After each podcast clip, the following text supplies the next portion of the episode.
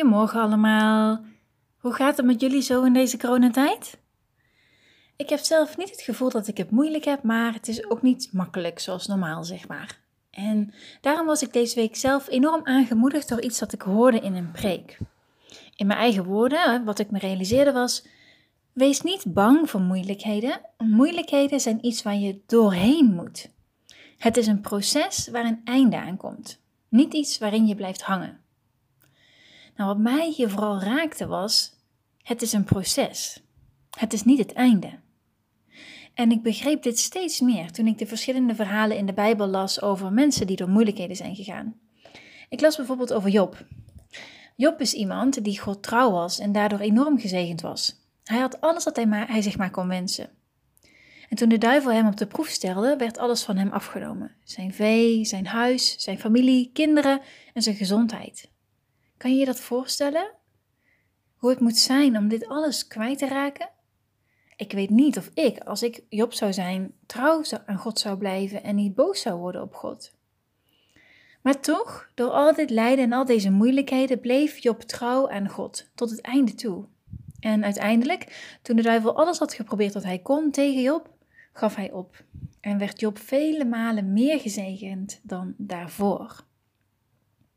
En het voorbeeld van Jozef vond ik ook heel erg mooi. Jozef, die door zijn broers wordt verkocht als slaaf en naar Egypte wordt gebracht. Als hij dan ook nog vals beschuldigd wordt door de vrouw van de farao en in de gevangenis wordt gegooid, geeft hij niet op. Hij moet jarenlang in de gevangenis verblijven en toch blijft hij God trouw en blijft hij trouw aan zijn normen en waarden. Hij wordt er sterker door en na deze moeilijke tijd wordt zijn wijsheid en inzicht juist opgemerkt, waardoor hij wordt aangewezen als de vizier van Egypte. En daarnaast vond ik het voorbeeld van Jacob heel mooi. Jacob woont bij zijn oom Laban en wou graag met zijn jongste dochter trouwen. En Laban verplicht hem dan om zeven jaar voor hem te werken voordat hij met haar mag trouwen. Als die zeven jaren dan uiteindelijk voorbij zijn, geeft Laban niet zijn jongste dochter hem ten huwelijk, maar zijn oudste dochter. En dwingt Jacob om dan nog eens zeven jaar voor hem te werken voordat hij met zijn jongste dochter mag trouwen.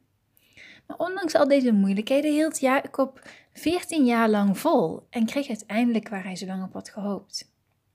En al deze mensen zijn door de moeilijkheden heen gegaan en hebben volgehouden tot het einde. En op het einde ontvingen ze de zegeningen. En dat vond ik heel erg mooi.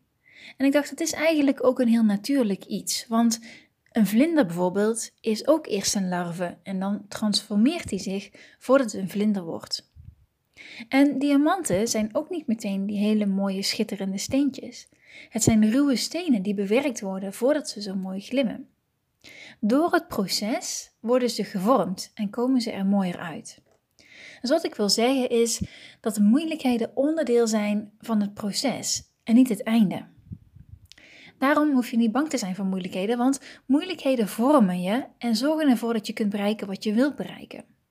Dat wil zeggen, als je niet opgeeft natuurlijk, want als je opgeeft in de moeilijkheden, dan wordt dat het einde en blijf je in die moeilijkheden hangen. Dus je moet doorgaan tot het einde. Je moet er doorheen. Dan kom je zo gezegd aan het einde van de tunnel waar weer licht is. Nou, dat is natuurlijk misschien wel makkelijker gezegd dan gedaan, maar voor mij was het een eye-opener, waarbij ik me realiseerde dat ik moeilijkheden niet als een berg ellende moet zien, maar vooral als een kans om te groeien en een kans om er beter uit te komen, omdat het niet het einde is. Dus ik ga proberen dit in de praktijk te brengen. Maar voor nu wil ik nog even zeggen: applausje voor mezelf en voor jullie die door moeilijkheden zijn gegaan in het verleden en er doorheen zijn gekomen. En voor degenen die nu ergens mee worstelen, hou vol. Want aan het einde staan er mooie dingen op je te wachten.